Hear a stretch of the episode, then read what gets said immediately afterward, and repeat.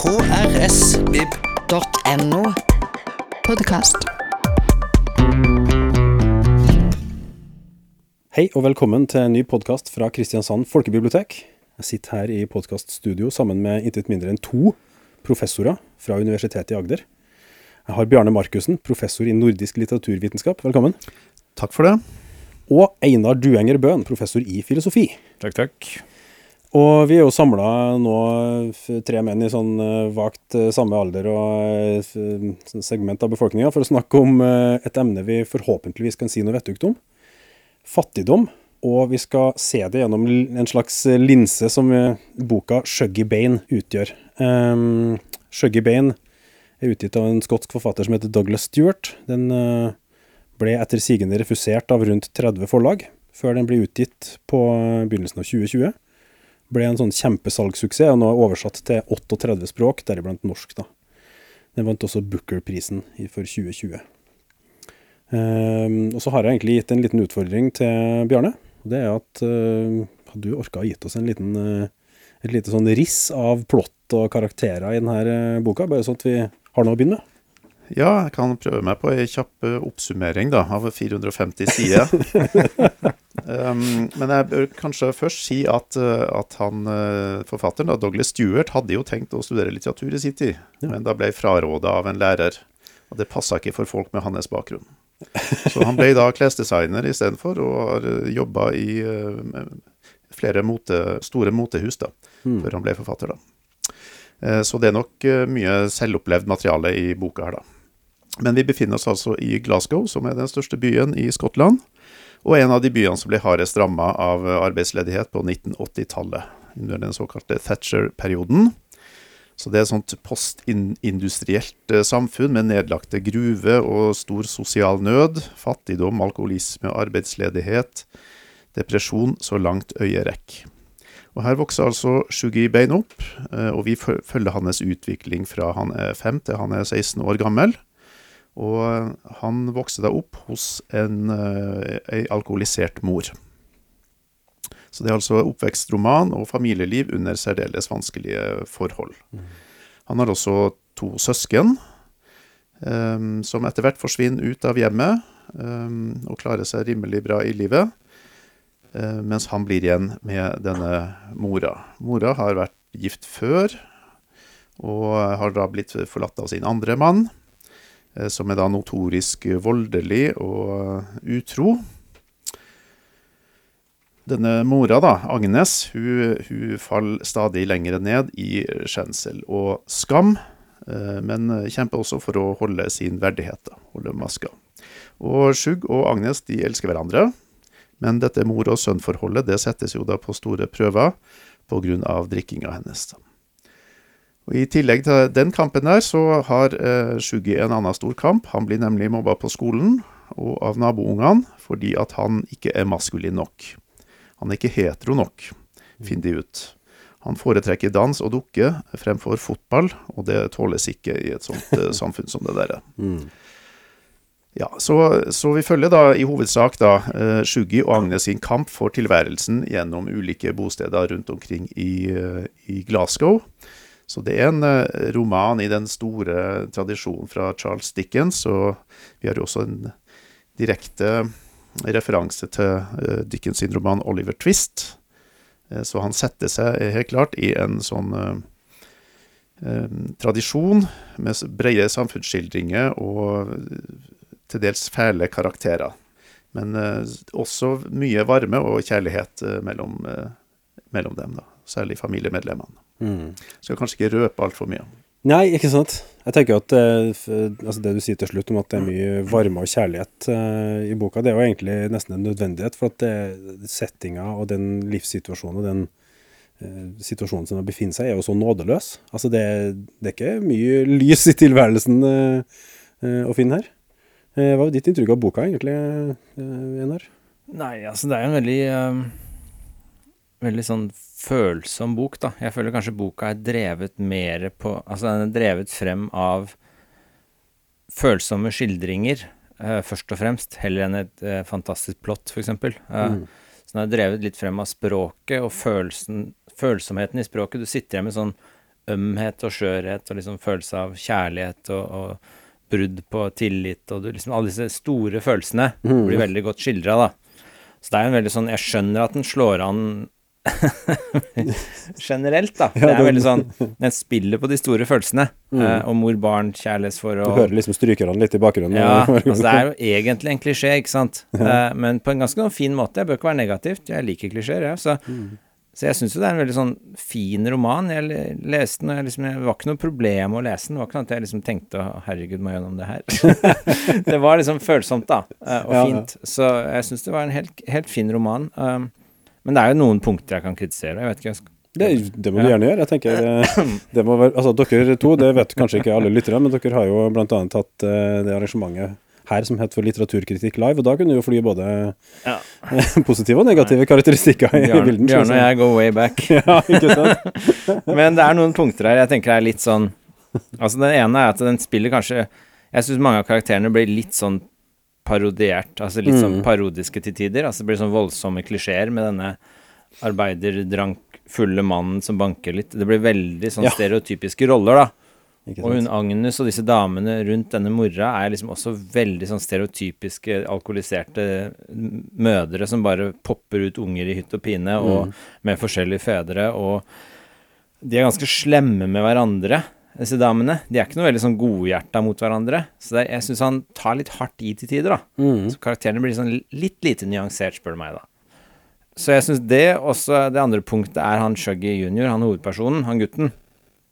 Jeg syns kanskje at øh, det han sier, måten han snakker på, spesielt i begynnelsen når han er veldig ung, da, det er litt sånn en voksen manns stemme. Så karakteren blir ikke helt troverdig på det den sier. Han uttaler seg som en voksen mann når han er liksom åtte. Mm. Det blir mer som et tilbakeblikk, på en måte. Sånn, Ja, men allikevel, det er jo et direkte sitat fra hva han sier i Ja, ja. åtteårsalderen, så det blir litt sånn der voldsomt, syns jeg, da. Så da datt jeg ut et par ganger. Jeg tenkte liksom dette her er jo ikke en åtteåring, liksom. Samme hvor ansvar han tar for den alkoholiserte mora si. Så det er et par sånne småting syns jeg stikker seg ut litt. Men det er jo en debutbok. Han Douglas Stewart, er første romanen hans. Mm. Uh, og det er jo fin lesning, og vakkert og følsomt, og det er jo noen sånne episke scener hvor de søskna sitter under samme frakk når det er kaldt, så deler de jakke. Det er noen sånne veldig sånne fine bilder. Og måten han Chugger liksom knar beina på mora si, og måten han liksom tar av løsner bh-stroppen når hun ligger stupfull i stolen for at det skal være litt slappere og løsere og bedre å ligge. Mm. Så det er noen sånne veldig fine scener, da. Mye omsorg, ja. Ja, det er mye sånn kjærlighet og følsomhet, som vi sa tidligere. Jeg tenker jo at det kanskje er ganske realistisk òg, da. Ja, altså det, jeg tror det, det er jo en ordentlig sosialrealismebok, liksom. Ja. Uh, så det er ikke noe Dette er ikke science fiction. Nei, nei, ikke sant. så jeg tror det er veldig realisme her, men den blir kanskje litt karikert, da. Det er min hovedinnvending. Ja. Men du, sier jo, du sammenligner jo trakk linja tilbake til Charles Dickens, men jeg tenker jo like mye liksom Amalie Skram og Altså, det ligner jo Det minner litt. Ja da, det er helt klart. øh, Det er en, det er en roman i den sosialrealistiske tradisjonen, og det er malt med nokså bred pensel, da. Så du får litt sånn sånne typer, eh, ofte mer enn individer. Um, jeg var jo enig i det at eh, den har jo ikke et stort plott. Det er riktignok et sånt eh, litt sånn tragisk kurve da, hvor hun klarer å holde seg edru i ett år, og akkurat når de skal feire da ettårsdagen for, for hennes da eh, edruskap, så, så vender det om, da. Um, Er det da, men- er det da mannen byr på nye mannen byr på alkohol til, ja, sjøl om hun vet Ja. at Ikke sant? Ja, Ah. og, men vi kjenner jo på oss, det her kommer jo aldri til å holde, ikke sant? Så vi venter jo bare på at det skal snu en eller annen gang, da. Mm. Men jeg, jeg tror også at det er en ganske god skildring av eh, mentaliteten og håpløsheten i uh, Glasgow og i en del uh, arbeidermiljøer i Storbritannia Mm. under 80-tallet. Jeg tror at det er en ganske god tidsskildring, faktisk, selv om den Ja. eh, kan være litt Ja. sånn karikert av og til. Eh, Det tror jeg. Og det er noen veldig flotte refleksjoner der, eh, synes jeg, eller skildringer av hvordan samfunnet endrer seg Mm. eh, i, romanen. Så det tror jeg det tror jeg at det, tidstypiske eh, har han på sitt tørre. Ja, altså. og så er det jo eh, veldig, som sagt, det er veldig sånn følsomt og godt beskrevet, mange sånne bilder du sitter igjen med. Så jeg tror den er veldig sånn Når jeg leste den, så tenkte jeg sånn Dette er jo et godt eksempel på en roman som evner å øve opp empatien vår. Ikke sant? Altså Du leser det, og så føler du virkelig med karakterene. Så sånn sett har han jo lykkes veldig godt. Jeg følte veldig med Shuggy, jeg følte veldig med Agnes. Når hun liksom falt utpå og klarte ikke å holde igjen, og Shuggy viste omsorg, så får du veldig sånn empati med de, og du vil det skal gå bra med de. Eh, så, så sånn sett så er det en veldig god bok, da, på den, den fronten. Altså den evner å få oss til å leve oss inn i karakterene. Det syns i hvert fall jeg. Og det er jo litt det Han dro kanskje litt hardt på med klisjeer og karik karikaturer, men det lykkes jo også på den fronten, da. At vi, det faktisk fanger oss. Ja, til de grader. Og, um, men det er også et sånt uh, samfunnsmessig og historisk tidsskille som jeg tror han klarer å fange inn ganske godt, altså mellom det gamle industrisamfunnet og det nye samfunnet som egentlig ikke har kommet ennå. Ja. Med Thatcher liksom som, som uh, murbrekkeren der, da. Mm. Uh, Så, og det tidsskillet har, markeres også med et skille mellom to typer for maskulinitet. Hvor du har en sånn gammel eh, maskulinitet eh, som, som ikke fungerer lenger når du står uten jobb. Mm. Eh, men samtidig så kan de ikke akseptere en ny type maskulinitet som den her Shuggy-figuren da, er i ferd med å lage seg. Og som vi får, får skildringer på. Så det er noe med at både den, samfunns, den samfunnsmessige endringa er også en endring i eh, kjønnsroller, da. Mm.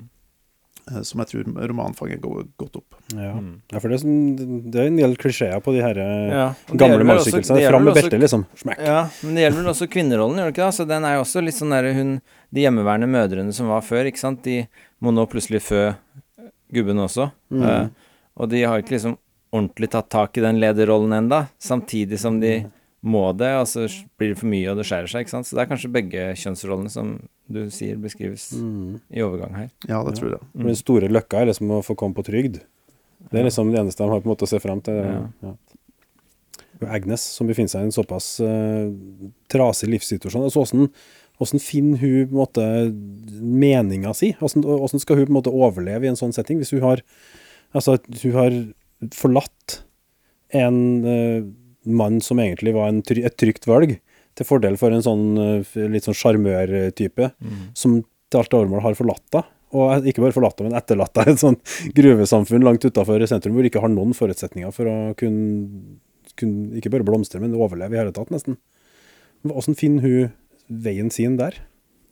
Nei, altså jeg tror Eller hun sliter jo åpenbart med å finne noe som helst, men jeg tror Ja. det som kommer frem, er jo først og fremst at hun er litt stuck i den gamle rollen om at kvinner trenger en mann. Så de er ikke selvstendige, egentlig. Eh, samtidig som hun er jo syk. Altså hun er jo sånn alkoholisert på en syk måte. Altså hun klarer ikke å, å, å ikke drikke. Hun klarer ikke å stoppe. Eh, og hun prøver jo flere ganger, og det ene året som Bjarne nevnte, hvor hun er fri, eh, rusfri, så ser du jo hvor godt det egentlig går. Altså hvor koselig hun har det med ungene sine, og hun tar seg av dem. og hun, hun- Du blir veldig fort normal når du er der, og så faller hun bakpå igjen. Utpå, heter det vel. Så faller hun utpå og begynner å drikke igjen, og da går alt til dundas. ikke sant? Og hun sier slemme ting, og hun, hun takler det ikke.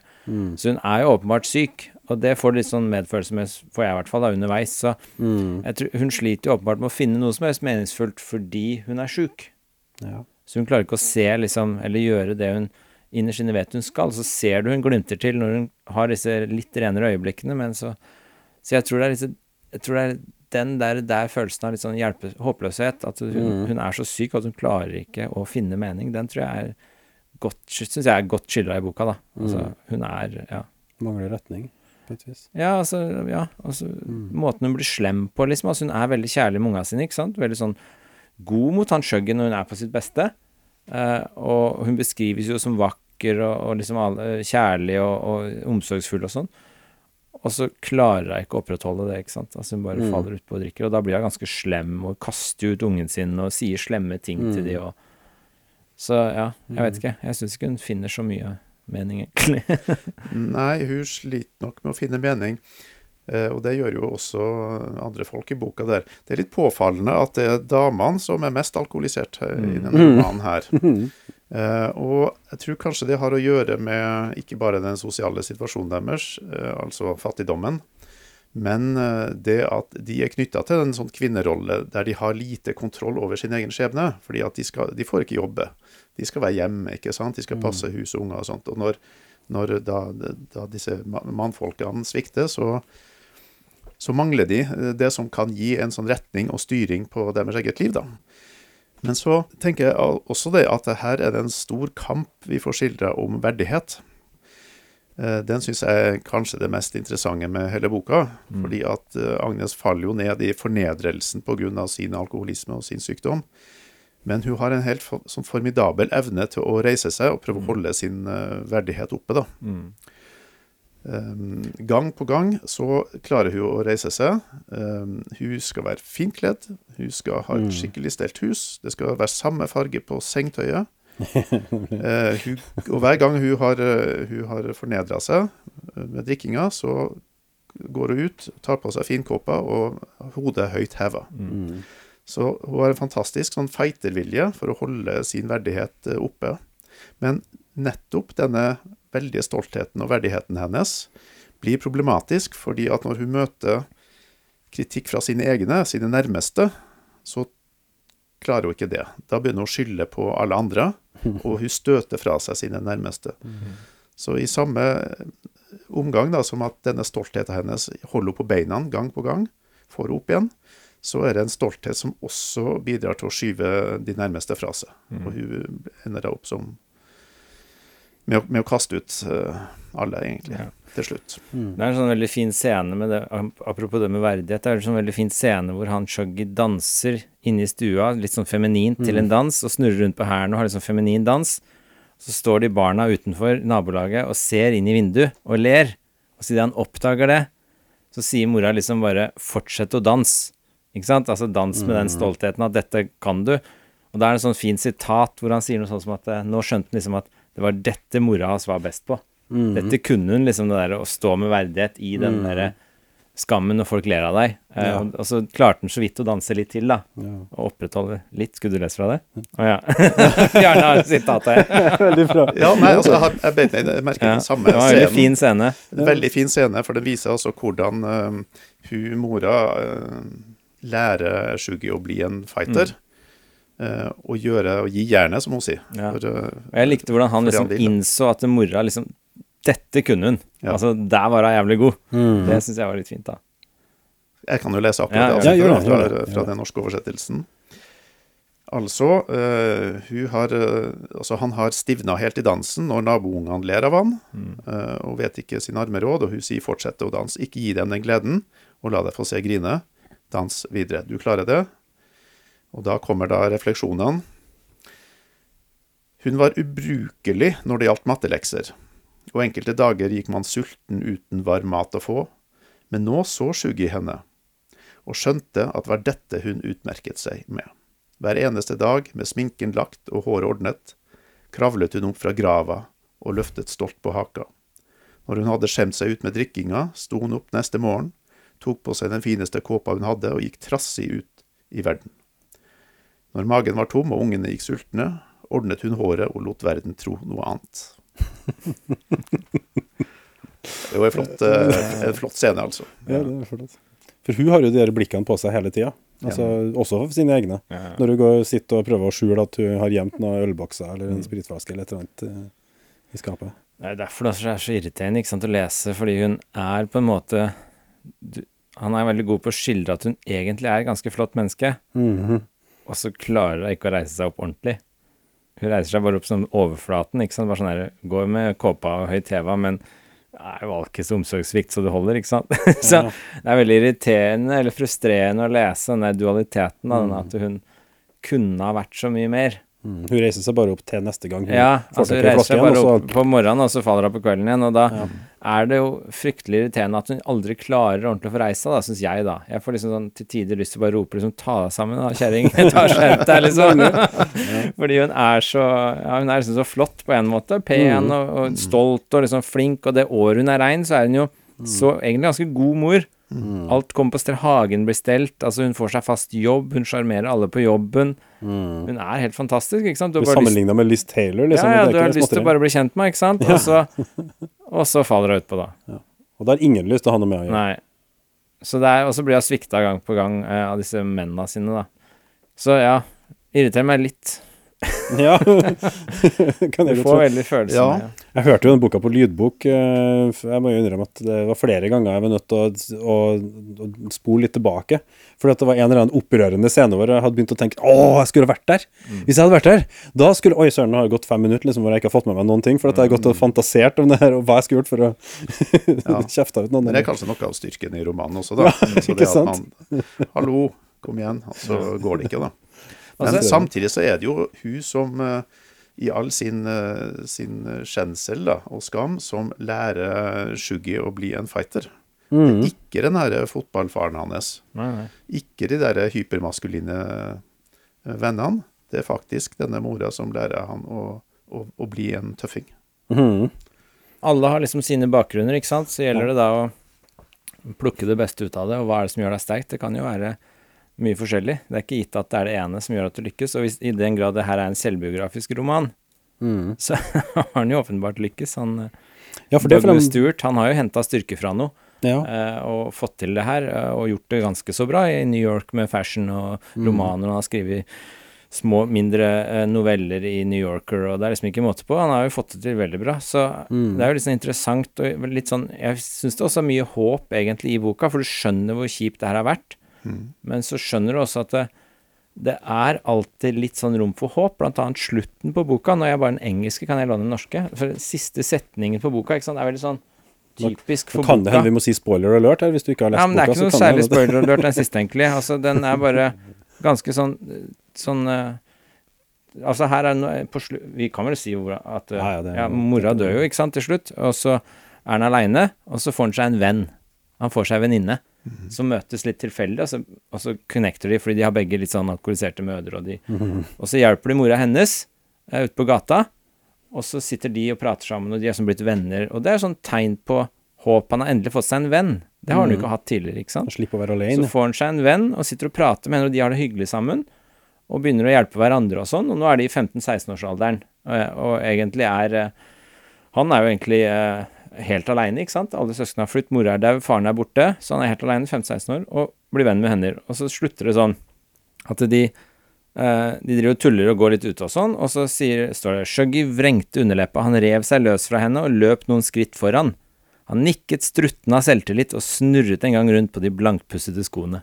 Mm. Ikke sant? Det slutter jo egentlig med at det, han blir litt sånn glad, og nå er han liksom litt friere. Nå snurrer han rundt på de blankpussa skoa. Ja, altså det feminine i det er med. Han begynner å finne sin identitet. Og det er den dansen, ikke sant? Ja, han snurrer, og liksom, han begynner å finne den identiteten sin som litt sånn feminin, ok, og så strutter han av selvtillit. Han, nå er livet i gang. Nå begynner livet hans, ikke sant? For nå er mora død. Nå har han ikke det ansvaret lenger. Mhm. Så på en måte så er det jo en frigjøring når mora dør, samtidig som det er veldig trist.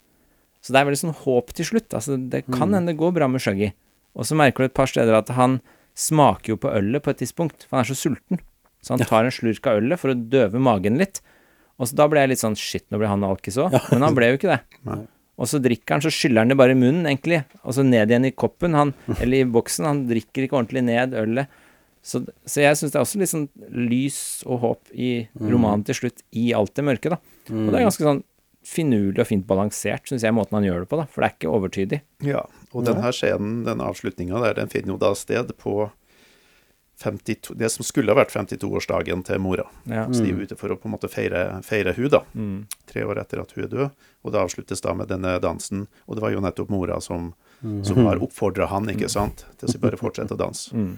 Så han har fått, den sluttscenen viser jo hva han har fått med seg fra da. Ja. Så jeg tenker at det er en roman som på mange måter er en kjærlighetserklæring til, til mor. Mm. Og så litt den derre ubetingede kjærligheten syns jeg også kom godt frem. Altså det derre mor-barn-forholdet. Den kjærligheten er ofte i filosofien sett på som et eksempel på noe av den sterkeste kjærligheten som fins, fordi den er ubetinget. Ment å være ideelt sett. Altså hvis, jeg, hvis du har en partner, hvis du er sammen med noen, da, kjæreste med noen, så er den kjærligheten kan være sterk, men den er betinget. Hvis den andre oppfører seg på bestemte måter, så ryker den kjærligheten til slutt. Da blir det slutt. Men det, den sitter mye lenger inne med barn og foreldre. Altså den er, hvis barna dine gjør noe dumt og havner i fengsel, så drar du antageligvis og besøker deg likevel, ikke sant. Ja. Altså den er mye mer ubetinget. Og det kommer ganske godt frem her når hun er helt håpløs, ikke sant. Omsorgssvikt. Hun er slem med de, sier stygge ting, kaster dem ut, så kommer de tilbake og hjelper henne.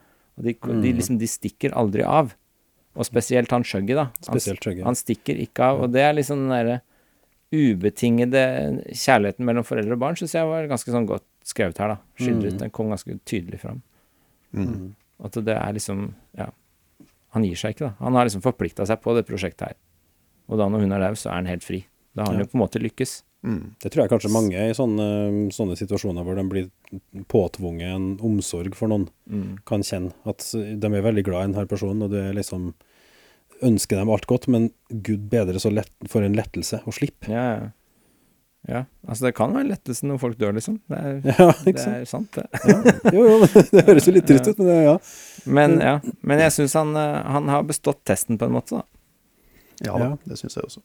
En annen sånn dobbelthet er jo det herre Altså, hva skjer med det sosiale livet eh, i sånn eh, fattigdom, da? Så, så, så sterk fattigdom som det nabolaget her har, da. Mm. Det er jo den kampen for verdigheten da, igjen, som, mm. som blir viktig.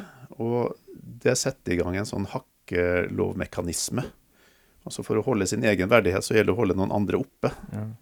Så Shuggy blir jo, eh, blir jo plaga av, en, av de min, mindre populære, som han trodde var under han i rang, så å si, på skolen. Men så får han da bank hos han. Um, så det er en sånn veldig stygg hakkelov, da. De hakker på hverandre og sparker nedover. Men samtidig, da, så er det en annen mekanisme som kommer inn også, og det er da når de føler medlidenhet med hverandre, så kommer det en veldig sterk sånn solidaritetsfølelse opp. At de som har lite, de hjelper de som har lite. Mm. Eh, Så det, den eh, sånn Det sier han sosialpsykologisk Sier altså, jeg faktisk det. Jeg kan han At, eh, i senior som sier det, tror jeg. Ja. eh, at eh, ja, på den ene sida så har du da får du utløst den der hakkeloven. Mm. På andre sida så får du også utløst solidariteten eh, Mm. blant de som har det verst. For de er ganske slemme med hverandre. Det la jeg merke til. Altså, det er ganske sånn i, Når de er på den der, i det pit, eh, den gata store Mm. delen av romanen foregår, ute i det gruve, nedlagte gruvesamfunnet, så de som bor der, og bor tett og langt unna sentrum, de burde jo egentlig være snille med hverandre, ta vare på hverandre. De har hverandre, men de er ganske slemme. Mm. Det virker som de liksom Det er noe irrasjonelt i det, å drive og hakke på naboene dine når du egentlig ikke har noe annet enn de naboene. da burde du liksom De burde slå ring om hverandre, men det gjør de ikke. Nei. De utnytter hverandre for alkohol, de er slemme, de erter hverandre. Så det er akkurat som det liksom Under de sosiale betingelsene så bringes også jævelen ut i folk. Ja, det gjør det. Uh, og man skulle jo tro at det også kunne funke annerledes. At det i, under sånne betingelser så bringes det beste ut av deg. Det, det, får frem, eh, det får frem det verste og beste da, Ja. i folk. Mm. Man får frem de virkelig stygge sidene, men man får også frem de gode sidene. Ja, men jeg synes En, ikke det er en scene, da, så der er det jo da at, eh, at den nabokona har oppdaga at man er utro, og hun knekker fullstendig sammen ute på gata. Uh, halvnaken. Mm, Og da er det da at, eh, at hun Agnes da ja. ofrer sine egne truser da, for at hun skal få på seg noe når hun skal kjøres bort med sykebilen. Mm. Så da, i, i den ytterste nøden, så kommer liksom solidariteten. Mm. Og den trusegreia kommer igjen også helt på slutten, når de hjelper mora til hun venninna hans. Mm. For hun er jo helt alkoholisert og driver ut på gata. Og så tar de og bytter undertøy på og drar opp, og han Shuggy drar det opp og strammer det så det sitter ordentlig, før de sender det ut på gata igjen. Eh, og det er også den der scenen der med at liksom den Det er noe med verdigheten, ikke sant. Det å få på trusa på plass, da. Det er viktig, da. Det er ikke den store at- omsorgen, men det er, Nei, ja, men det er, omsorg, det er mye omsorg i akkurat sånne detaljer, da. Ofte i den romanen her. Det å få på plass liksom Du, du skjønner hvor mye små ting betyr når du har lite. Mm. Og det kommer ganske godt frem i denne boka her flere steder. Altså det er bitte små ting kan bety enormt mye, bare sånn symbolsk nesten. Fordi Mm. de har så lite, da. Mm. Og det er også en scene hvor uh, Shug, da, faren til, til Shuggy, eh, kjører i taxien og har kjørt hjem ei dame som har vunnet noe penger på bingo. Ja. Og så gir hun uh, han et pund i driks. da. Nei, det må, du ikke, det må du ikke finne på, det trengs ikke, sier han. Jo, nå skal jeg dele litt med flaksen min. Jeg hadde flaks i dag, og flaks er det eneste som kan få oss opp fra det her mørket. Så nå deler jeg med det. Mm. Og det er da han sier at de her engelske turistene med Koda-kamera, de kan bare dra til helvete. Mm. Eh, For de som har minst, de gir også mest. Mm. ja, det var vel et av de få mer sympatiske uttrykkene fra han Shug senior. Ja, det var stort sett det eneste positive med han. da. Ja, for han strever litt med å få eh, noe særlig grep om Altså, har han noe særlig positive særtrekk i det hele tatt? Han er sånn som en dem- demon som bare dukker er litt opp og han er banker litt- ungene og banker kjerringa og legger han ned og gjør det han vil med å stikke av og er utro. Men altså, det er, det er ingenting Nei, det er ikke noe positivt. han. Men, men han har noen eh, interessante refleksjoner når han kjører rundt i byen der og ser på hvordan Glasgow har forandra seg. Som, Ja. Ja. som er noen fine skildringer, samfunnsskildringer. Mm. Ja. Han Men ellers så er han eh, så han var var kanskje en, mest karikert, ikke sant. Demonisk type. Ja. Han har liksom ingen positive sider i hele tatt. Nei. Han, er, Han var kjekk og sjarmerende. han var kjekk, ja. Ja, ikke sant? liksom, visstnok. Men ellers så er det jo en del humor, da, som jeg syns man ikke kommer unna. Svart humor, riktignok, Ja. men, eh, men ganske morsomt, faktisk. Ja, hva tenker du? Så det Ja, det er jo eksempel eh, den herre scenen hvor eh, bankmannen kommer da og skal kreve inn penger, og husmødrene de gjemmer seg bak eh, sofaen, ikke sant. Det kommer, kommer bare sånn eh, røyk opp fra bak, bak sofaen da, mens bankmannen står og kikker inn eh, vinduene. da. Og de, de tømmer den her automat, varmeautomaten for Ja. penger, da, så de kan få dobbel dose strøm da, den måneden og sånt. da. De blir Ja, utrolig det- kreative. Det er sånn gjenganger i de fattige kommunale boligene de bor i, er jo at det er sånne mynter du putter på for å få varmt vann. Ja. Det er mynter du putter på for å se TV. Så når du har brukt opp mynta, så slukker TV-en. Ja. Ja. Og så har de lært seg disse teknikkene hvor de åpner disse automatene og tar ut myntene igjen, Ja. slik at de kan bruke dem om igjen. Så de tømmer de, og så legger de innpå igjen. Så det er jo mye sånn, da. Det er veldig Overlevelsesstrategier som de lager seg, er jo Men øhm, den boka jeg leste før jeg leste 'Skjøgge bein', det var av alle ting Viktor Frankels 'Livet må ha mening'. Og den gjorde at jeg så kanskje med litt annet øh, blikk på 'Skjøgge bein' enn jeg ellers ville ha gjort. For jeg ble litt mer sånn oppmerksom på mm, altså Frankl han overlevde jo konsentrasjonsleira, så han har jo litt å si om hvordan du finner mening med en meningsløs tilværelse. da. Mm. Eh, og siterer jo f.eks. Nietzsche sitt, uh, sin setning om at den som vet hvorfor han lever, kan utstå et hvilket som helst hvordan. Eh, og jeg tenker som så at for søsknene til Shuggy, eh, søstera, ser ut til å ha Hennes mening er på en måte å klare seg lenge nok til at hun får bli fridd til av kjæresten, så hun kan komme seg unna. Hennes mål er liksom å komme seg vekk. Eh, broren vil også vekk. Men Shuggy, hva, hva er egentlig er, er hans mål med tilværelsen? Er det bare å passe på mora? Er det, det virker som det er det som er liksom hans Ja. viktigste oppgave, på en måte. Jeg tenkte jo det, det som var prosjektet hans, da, men han er mye Mm. yngre, da. Så han har liksom ikke satt seg det målet ennå, kanskje. De to Nei, kanskje. søsknene er jo eldre, og de er halvsøsken. Så de har hver sin far Mm. uh, i forhold til han og hverandre, faktisk. Slik at uh, de er jo uh, De kom, kjemper for å komme seg ut fordi de begynner å bli eldre, mens han er jo da under 10-12 år, ikke sant, altså i den delen, når de begynner å fly hjemme. Slik at han Jeg tror ikke han har satt seg det målet ennå. Han, bare- han skal bare ta seg av mora. En sånn grenseløs kjærlighet for å sørge for at mora kommer seg gjennom Ikke dør, egentlig, sånn jeg ser det. At han skal bare sørge for det. Mens de andre, de er nok gitt opp mer. Han er lik han broren. Han sier det flere ganger at eh, du må bare skjønne at hun kan ikke hjelpes. Mm. Det er for seint. Det kommer ikke til å skje noe mer. Du må bare skjønne det. Og det kommer til å ta tid, men du kommer til å skjønne det. Og så han vil liksom ikke skjønne det. Han skal hjelpe uansett, så han har liksom den der ubetingede. Mens det virker som de to andre søsknene har litt gitt opp mora. Mm. Så de har litt den der Ja, de har jo omsorg for at hun kommer tilbake når hun trenger det, men de vil samtidig komme seg vekk, bare. De har på en måte gitt opp å hjelpe, som han aldri har gjort. Da. Så jeg, sånn jeg ser livsprosjektet hans i den unge alderen han er, da, så er det først og fremst å hjelpe mora. Og være der for henne, og de skal alltid være sammen. Og så må du huske på at han er jo antageligvis homofil, da. Det er det som ligger mellom linjene her, selv om det aldri kommer så ordentlig ut. Når han svinger på de blanke hælene, og han er liksom feminin, da, for, i forhold til de andre. Og så han har nok Og på den tida, på 80-tallet òg, i Skottland, så tror jeg ikke det var liksom det kuleste du kunne være. så jeg, sånn. jeg tror nok han kanskje ikke har de samme prospektene som de andre, ikke sant, som kan komme seg ut, få seg jobb og partner og skaffe sin egen familie. Er ikke sikkert det er like visuelt til stede for han. Mm. Uh, slik at uh, han forplikter seg mye mer lokalt, så å si, uh, tror jeg. Og det er jo noe vakkert i det, men det er jo noe litt sånn Ja, jeg tenker at på, altså i barndomsårene der, så er jo hans mål å få et ordentlig hjem, da. Det fins bl.a. en scene da, hvor han eh, går ute på slettene der og samler gamle stoler og noen gamle sånn eh, TV-kasser og sånt, som, eh, uten TV-skjerm, og prøver rett og slett å innrede et hjem. Mm. Han leker et hjem, og det er jo det han prøver å få til med den mora, at det skal bli et ordentlig hjem, da. ja. Så det han søker det, i, i barndomsårene, er jo et hjem. Mm. Men så er det jo det at han eh, Altså, han finner jo ut etter hvert, da, når han treffer Lianna mot slutten der, at, eh, at han Nei, han liker vel egentlig ikke jenter så godt. Ja. Han, han skjønner plutselig det, da det, ting begynner å, å, Han liker det som venner, da. å få klarhet eh, i det, da. Mm. Men det, det heter også det helt i begynnelsen av boka, da, når vi møter han som 16-åring, at uh, han, hans plan var å, da, å gå på frisørlinja på videregående skole.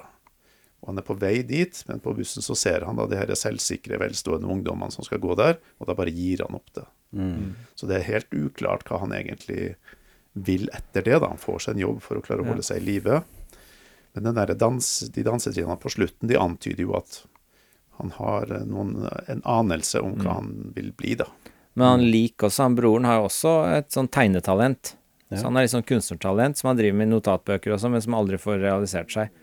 Han ender vel opp med å skaffe seg en jobb i en gruve eller et eller annet sånt. Ja, ja. Ja, Han blir som bygningsarbeider. Bygningsarbeider. Slik at han får heller aldri realisert det der kunstnerpotensialet, og han Shuggy får aldri blitt den frisøren han ville. Nei. Eh, så det, Men, han er en- men han er enda ung, da. Så Ja, ja, ja, han kan så. komme seg videre gjennom dans eller andre ting. Men jeg syns noe av det såreste sånn når du leser hele boka, noe av det såreste scenene er jo de scenene hvor Shuggy, veldig ung, får ansvaret for dette hjemmet han ønsker seg. Så det er han som må på en måte holde igjen litt penger i ukepenga de får, sosiale stønaden de får hver mandag, er det vel. Så må han holde igjen litt, ellers ikke hun drikker opp alt med en gang. Og da er han jo tolv år, ikke sant. Så han får et sånn ansvar for mora si og hjemmet, og at hun får mat på bordet. og Veldig tidlig alder, da. Uh, og det, det syns jeg var noe av det såreste, da. At det liksom, denne lille ungen får aldri vært den lille ungen. Den Det tror jeg er ganske universelt, egentlig, for folk som vokser opp i sånne type Ja. hjem. da. Og det syns jeg er godt skildret her, da. Ja, ja. At de får et ansvar som de ikke egentlig burde ha, ikke er Mm. i stand til å ha. Og det, det, da blir jeg mest irritert på Agnes òg, da. Da blir jeg sånn faen, kan du ikke bare slutte å drikke, liksom. ja, ikke sant? Men ja. Så enkelt er det jo eh, dessverre ikke. um, anmelderne uh, Jeg leste anmeldelsen til han Leif Ekle i NRK. Han trekker noen paralleller til Trainspotting og Billy Elliot, blant annet, som jeg helt klart ser hva han eh, mener. Men kaller um, Shuggy Bain for en tragisk roman. Totalt renset for sentimentalitet og pynt, noe jeg kanskje ikke er helt enig i. Jeg er ikke enig i. Men uten at troen på mennesket og evnen til overlevelse må vike. Og si at det er moderne arbeiderlitteratur på sitt aller beste. Nå trakk vi egentlig linja tilbake til, til tidlig arbeiderlitteratur. Men hvordan vil den her eh, Altså, står den seg om 50 år, den her, eller kommer den til å forsvinne litt blant alle andre? Det er kanskje vanskelig å spå. ja, det er vanskelig å spå, men jeg, jeg er jo helt uenig i at den ikke er sentimental. Da. Det er jo det den er. Altså, det er den mest sentimentale romanen jeg har lest på lenge, så der er jeg veldig uenig. Men, Men nå sitter jo du og leser Dostojevskij. ja, men, altså, så er, kan- det- det på den annen side er det, er det egentlig uh, arbeiderlitteratur. Altså, det skildrer jo et arbeidersamfunn. Mm. Men jeg er ikke helt overbevist om at det er arbeiderlitteratur, fordi det er så Det er skrevet på en måte som jeg ikke føler kanskje er arbeiderklasseskrevet. Jeg har lest annen arbeiderlitteratur som er skrevet mer fra en arbeiderklasseforfatter på et arbeiderklassespråk som treffer kanskje mer, jeg vet ikke. Er jeg på tynn is nå? Jeg Jeg bare ikke, føler du må utdype litt, tror jeg, for jeg, skjønner, jeg henger Nei, ikke jeg føler kanskje at den er for eh, Hvis jeg skal være slem, så kanskje den er for, for, for sofistikert skrevet til å være arbeiderklasselitteratur. Altså, den er ikke røff nok. Eh, Jeg vet ikke. Fremstår- Bjarne er kanskje proffere på det her enn meg. er dette arbeiderklasselitteratur? Ja, det Er alt som beskriver arbeiderklassen, arbeiderklasselitteratur? det, det skildrer jo i hvert fall arbeider, en klassisk arbeiderklasse, da. Ja, ja, men, men- som er på en måte i en tid som eh, Der industriepoken er over, så å si.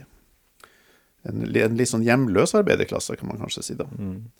Eh, Men den skriver seg ganske godt inn, syns jeg, i eh, den trenden som vi har sett på 2010-tallet, med litteratur om folk som faller utafor arbeidsmarkedet. Eller som har en veldig løs tilknytning til arbeidsmarkedet, som føler utaforskap. Um, det kalles eh, for eh, av noen sosiologer som har kalt det for prekariatet. Det er et sånt ord som, som er satt sammen av prekær og proletariat. Men det går litt på tvers av de der klassiske klasseinndelingene, da. Men det er altså disse individene som har et, et veldig uforutsigbart liv med løs tilknytning til arbeidsmarkedet, som havner liksom i et sånt utaforskap, da. I ei tid hvor, eh, hvor eh, politiske reformer er veldig drevet av effektivitet og konkurranseevne og sånt. De detter liksom utafor de konkurranseracet, da, og har ikke store fremtidsutsikter. Men Så den, den ja. skriver seg inn i en litt sånn ny trend, vil jeg si. Eh, som, som er knytta til Som har utgangspunkt i arbeiderklasselitteratur, men som ikke nødvendigvis handler om arbeidende folk. Da. De her er jo faktisk uten jobb. Ja, men også i tillegg så er liksom de virkelig sånn herre De evige store følelsene som jeg opplever som er hovedpoenget her, nemlig den kjærlighetsfølelsen mellom mor og sønn Altså det er den store, evige tinga som kanskje jeg føler er mer poenget enn selve arbeiderklassesituasjonen. Så jeg er enig med deg at du beskriver den der perioden hvor jeg er arbeidsløs, og alle går og, venter, og mister gruvearbeid, og noen må dra til Afrika for å jobbe der, for de har ikke noe jobb i Skottland. Men når jeg tenker på sånn strengt tatt arbeiderklasselitteratur, tenker jeg på sånn der beskrivelsen av det å jobbe på fabrikk, ikke sant? Eh, på et sånn arbeiderklassespråk, hvor du får empatien og medfølelsen med de arbeiderne. Mens her sånn så føler jeg det er for sofistikert. Altså Det blir sånn, det er en beskrivelse av en enorm fattigdom og alkoholisme, men egentlig er det de dype kjærlighetene og det lyset i det mørke, og det er, det er virkelig store ting som kommer fram. Så Sånn sett så syns ikke jeg det passer perfekt som arbeiderklasselitteratur. Det var det jeg mente i stad. Ja, sånn, ja. At Så det- det framstår litt som det er det, nemlig en eh, motedesigner eh, som har lyktes godt i livet, som skriver om en fattig Ja, litt, barndom, på en altså, måte. ja, ja, litt, Ja. altså, så, sånn sett syns ikke jeg det var en klassisk arbeiderklasselitteratur-bok, da. Og da er spørsmålet om den vil stå seg over tid. Jeg tror jo disse mye av disse følelsene her er nok ganske sånn evigvarende ting. Det forholdet mellom mor og sønn. Jeg tror alle som vokser opp i alkoholikerfamilie, antagelig kjenner seg veldig igjen i mye av situasjonen her, ikke sant. Altså, så det er en del sånne ting som står seg. Men om denne romanen står seg eh, om 50 år, det, jeg tipper den kanskje smyger seg litt inn i mengden av mange andre samme type bøker. Jeg kan ikke se helt det Jeg føler kanskje plott, det store plottet mangler til at den står seg som en klassiker over mange hundre år, liksom. Eh, Mm. Det er jo litt påfallende at, eh, at eh, streikene på 80-tallet Veldig store streikebevegelser, ikke sant. Og det var jo gruvearbeidere mot uh, Thatcher-regjeringa. At hele den der streikekonflikten eh, kommer så i bakgrunnen. Du merker det nesten ikke. Nei. Så sånn sett så er den ikke helt sånn typisk uh, arbeiderlitteratur. Mm. Altså hadde, hadde det vært en 70-tallsroman, så ville det vært masse om, om, Ja. om, om streik og, og klassekamp. Mm. Så den her er litt sånn post, Ja, det, ja, det det. postindustriell roman. Ja, og så er den mye mer fokusert på det medmenneskelige relasjonen, egentlig. Som er satt i, et, i et sånn samfunnsstruktur. Men det mer jeg opplever det er mye mer en skildring av de interne medmenneskelige relasjonene enn det er en skildring av en arbeiderklasse. Det er mer en familieroman. Ja. Ja. Mm. Litt sånn der ødelagt familieroman heller enn eh, klassisk arbeiderklasseroman, sånn jeg ser det, da. Men jeg vet ikke. Mm. Bjarne er som er proff her, så Jo da, men eh, det, det er litt der den plasserer seg, tror jeg. ja. Hvordan står den seg som eh, det Når vi snakker om bølger og trender, det er jo kommet ganske mange LHGBTQ Nå sa jeg sikkert rekkefølgen feil. Romaner som handler om det å være homofil. På, og, og, altså, hvordan står han seg i forhold til de? Altså, den, du sier jo at det er ikke uttalt direkte at uh, Shuggy han- han er homofil, men men den ja. jo som om det ja, er han den sånn, det- men han får jo aldri en guttekjæreste, og det er aldri Nei. sånn krystallklart. Men jeg tenker, vil, Men det er ganske vil, klart. Det er ganske Ja, Ja, det er ganske klart, men tenker men det, det, Det er litt sånn overtydelige nesten hint, syns jeg, og Ja. hele tida om det, da. Men er det sånn at man ville liksom ha sagt, hvis noen ser åh, har du en god bok liksom, om noen som skal prøve å finne, finne sin eh, legning og identitet, liksom, har du det? Kunne det ha gått inn i Jeg syns ikke den her er den jeg viser til deg. Nei.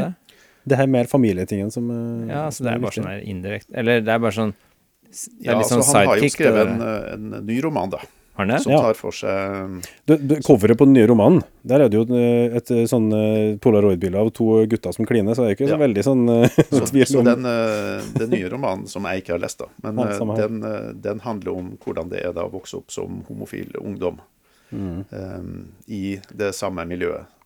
Så denne romanen legger på en måte mye opp til det som skal komme, Mm. nemlig skildringa skildring av homofil kjærlighet. Men er det samme karakterer? Jeg Tror ikke det. Nei, Young Mungo, er ikke den heter? Jo. Så ja, det er en karakter som har et annet navn. Jeg antar det er en annen karakter. Men, Mm. men da er det kanskje han Douglas Stewart som skriver et, en annen del av sine erfaringer fra oppveksten, vil jeg tro. Det vil jeg nok tro, ja. Nærliggende å tenke. Mm. Det var så, sånn eh, men, det men var, jeg tror nok at ja. han har fanga de der rare følelsene. Ja. Så, uh, for han uh, Shuggy han sliter hele tida med at han ikke uh, føler seg normal, eller han får høre at han ikke er normal. Mm.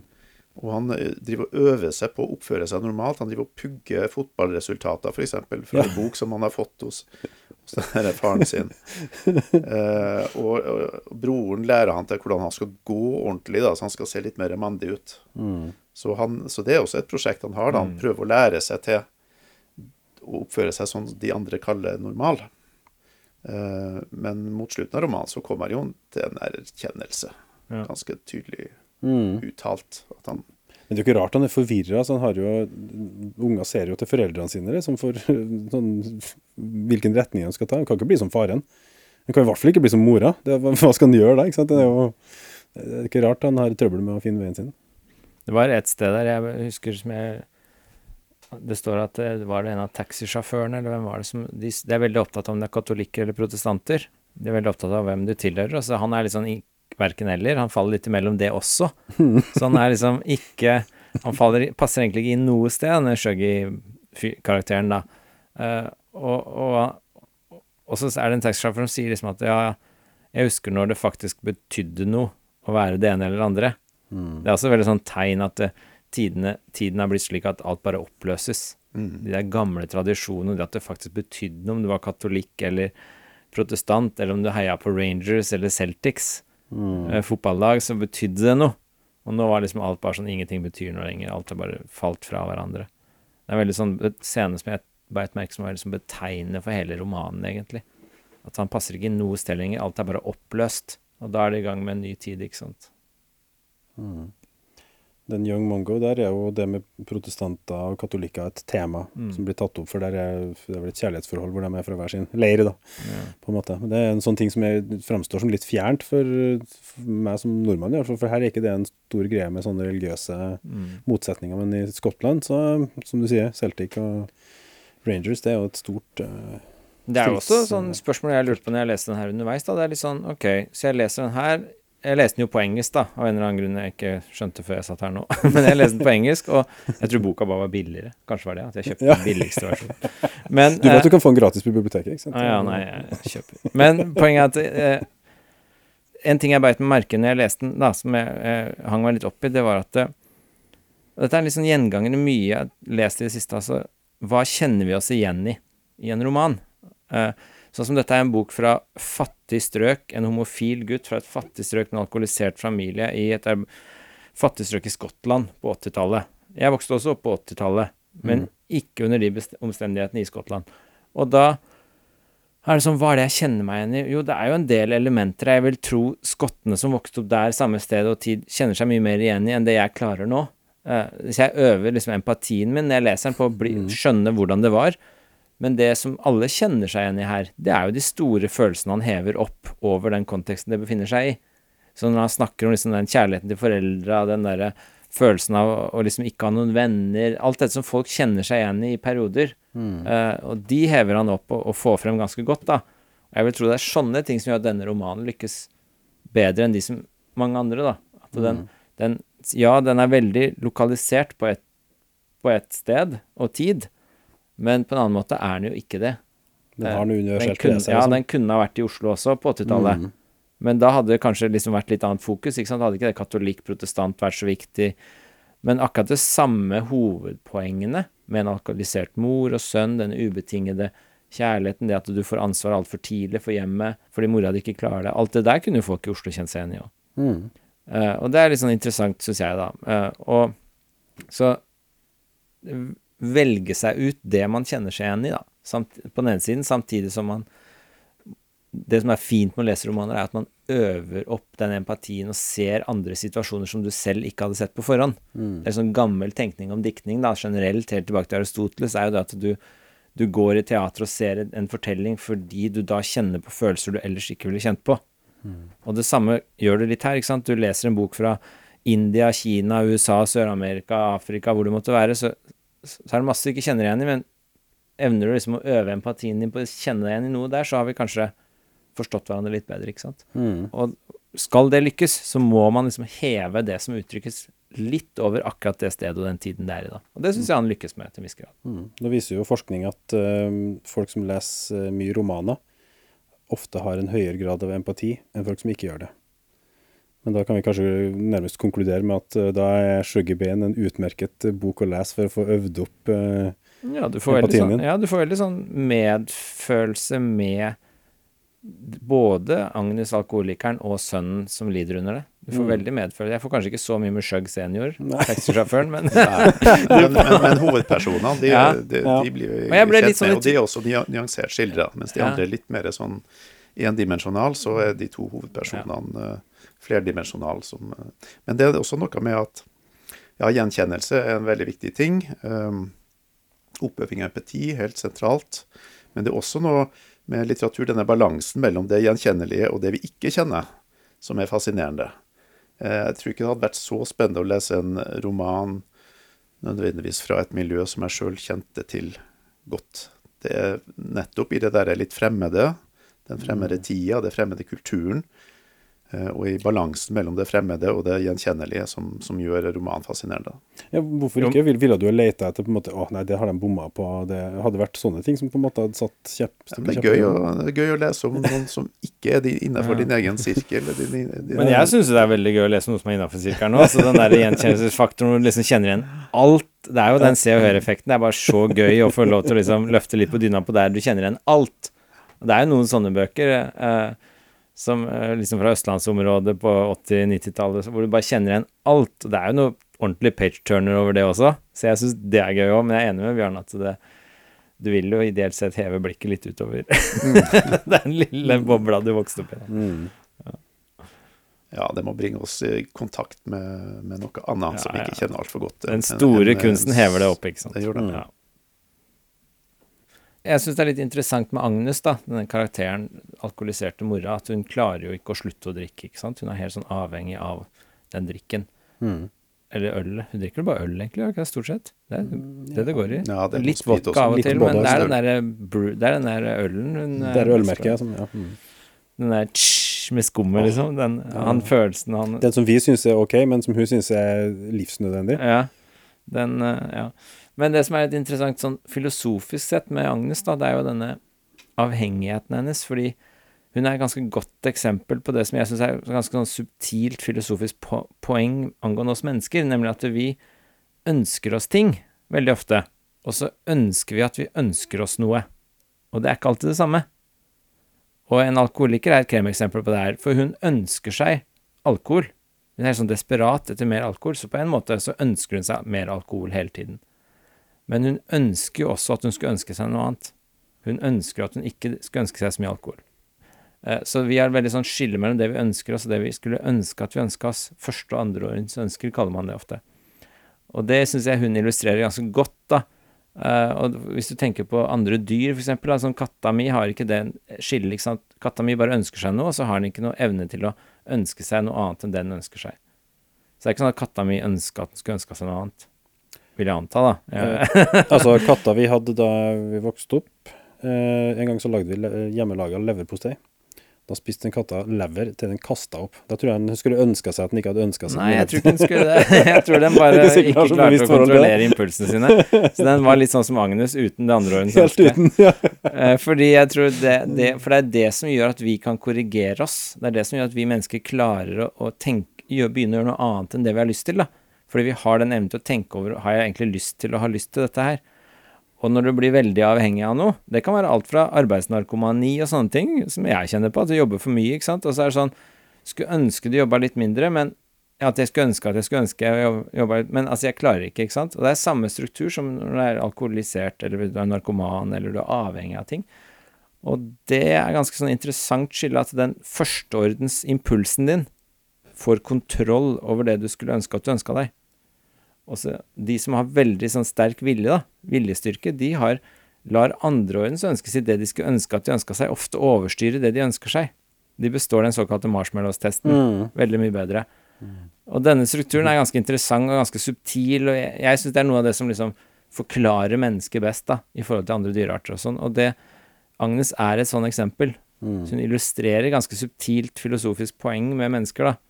Jeg vet ikke om Douglas Stewart har tenkt akkurat det, men altså, det er, Ja, det, men det, det, det er- ligger jo i avhengighetsforholdet, uh, Ja, altså da, du, du, du blir slave under dine egne impulser, da, uh, og klarer ikke å styre det. Uh, og han uh, Shuggy, han, han ser ikke ut til å lide under det samme. Han tar den ølen, slurken Mm. med øl, men liksom det går ikke noe innpå han. han. Han snurrer rundt på den hæren til slutt. Altså, det er ikke han Jeg tror ikke han kommer til å lide under det samme. Nei. Det er ofte en risiko også, at, sant, at barna kopierer eh, avhengighetene, eller Ja, så er det eh, litt sånn, men så er noen mye mer tilbøyelige til sånn avhengighetspersonligheter enn andre. Eh, noen eh, blir avhengig med en gang av det minste, mens andre blir jo ikke avhengig uansett. Så det er veldig sånn forskjell på personligheter der. Og den kommer kanskje fra at Agnes sliter veldig med den avhengighetspersonligheten, mens han gjør nok ikke det, sånn jeg ser det. Han har Mm. ikke noe sånn derre Ja, han, han kom, jeg tror det kommer til å gå veldig bra med Shuggy Bane. Mm. Jeg liker å tro det, i hvert fall. Ja, det, Ja. Optimistisk. tyder på det. Han har det ikke i seg, det der. Nei. Nei, okay. Veldig avhengigheten. Mm. Det som kanskje står litt igjen, da, er jo det at det er de to hovedpersonene som er de mest interessante her. Mm. Eh, og at uh, de andre karakterene blir, gans, blir litt sånn endimensjonale, da, Mm. Mm. skildra. Men, uh, men når det gjelder de to, så er det så er det mye, mye å ta fatt i, og Mm. mye å tenke over, syns jeg, da. Et ganske sterkt Og det er også mor-barn-portrett. en, på en måte. eh, Ja, og det er også sånn emosjonelt ganske sterkt. Jeg var ganske litt sånn utmatta, nesten, når, Ja. når jeg hadde lest det. Eh, Så det gjorde absolutt inntrykk eh, Mm. mens det sto på. Mm. Mm. Jeg Tror vi kan la det være siste ord for denne gangen. Så må jeg bare igjen få si tusen takk for at dere kom i studio, Bjarne og Einar. Og takk for nå. Takk, takk. Takk for at vi fikk komme. hyggelig. Flere podkaster fra oss finner du på Google Podkast, Apple Podkast eller iTunes, eller ved å stikke innom vår hjemmeside på krsbib.no. krsbib.no. Podkast.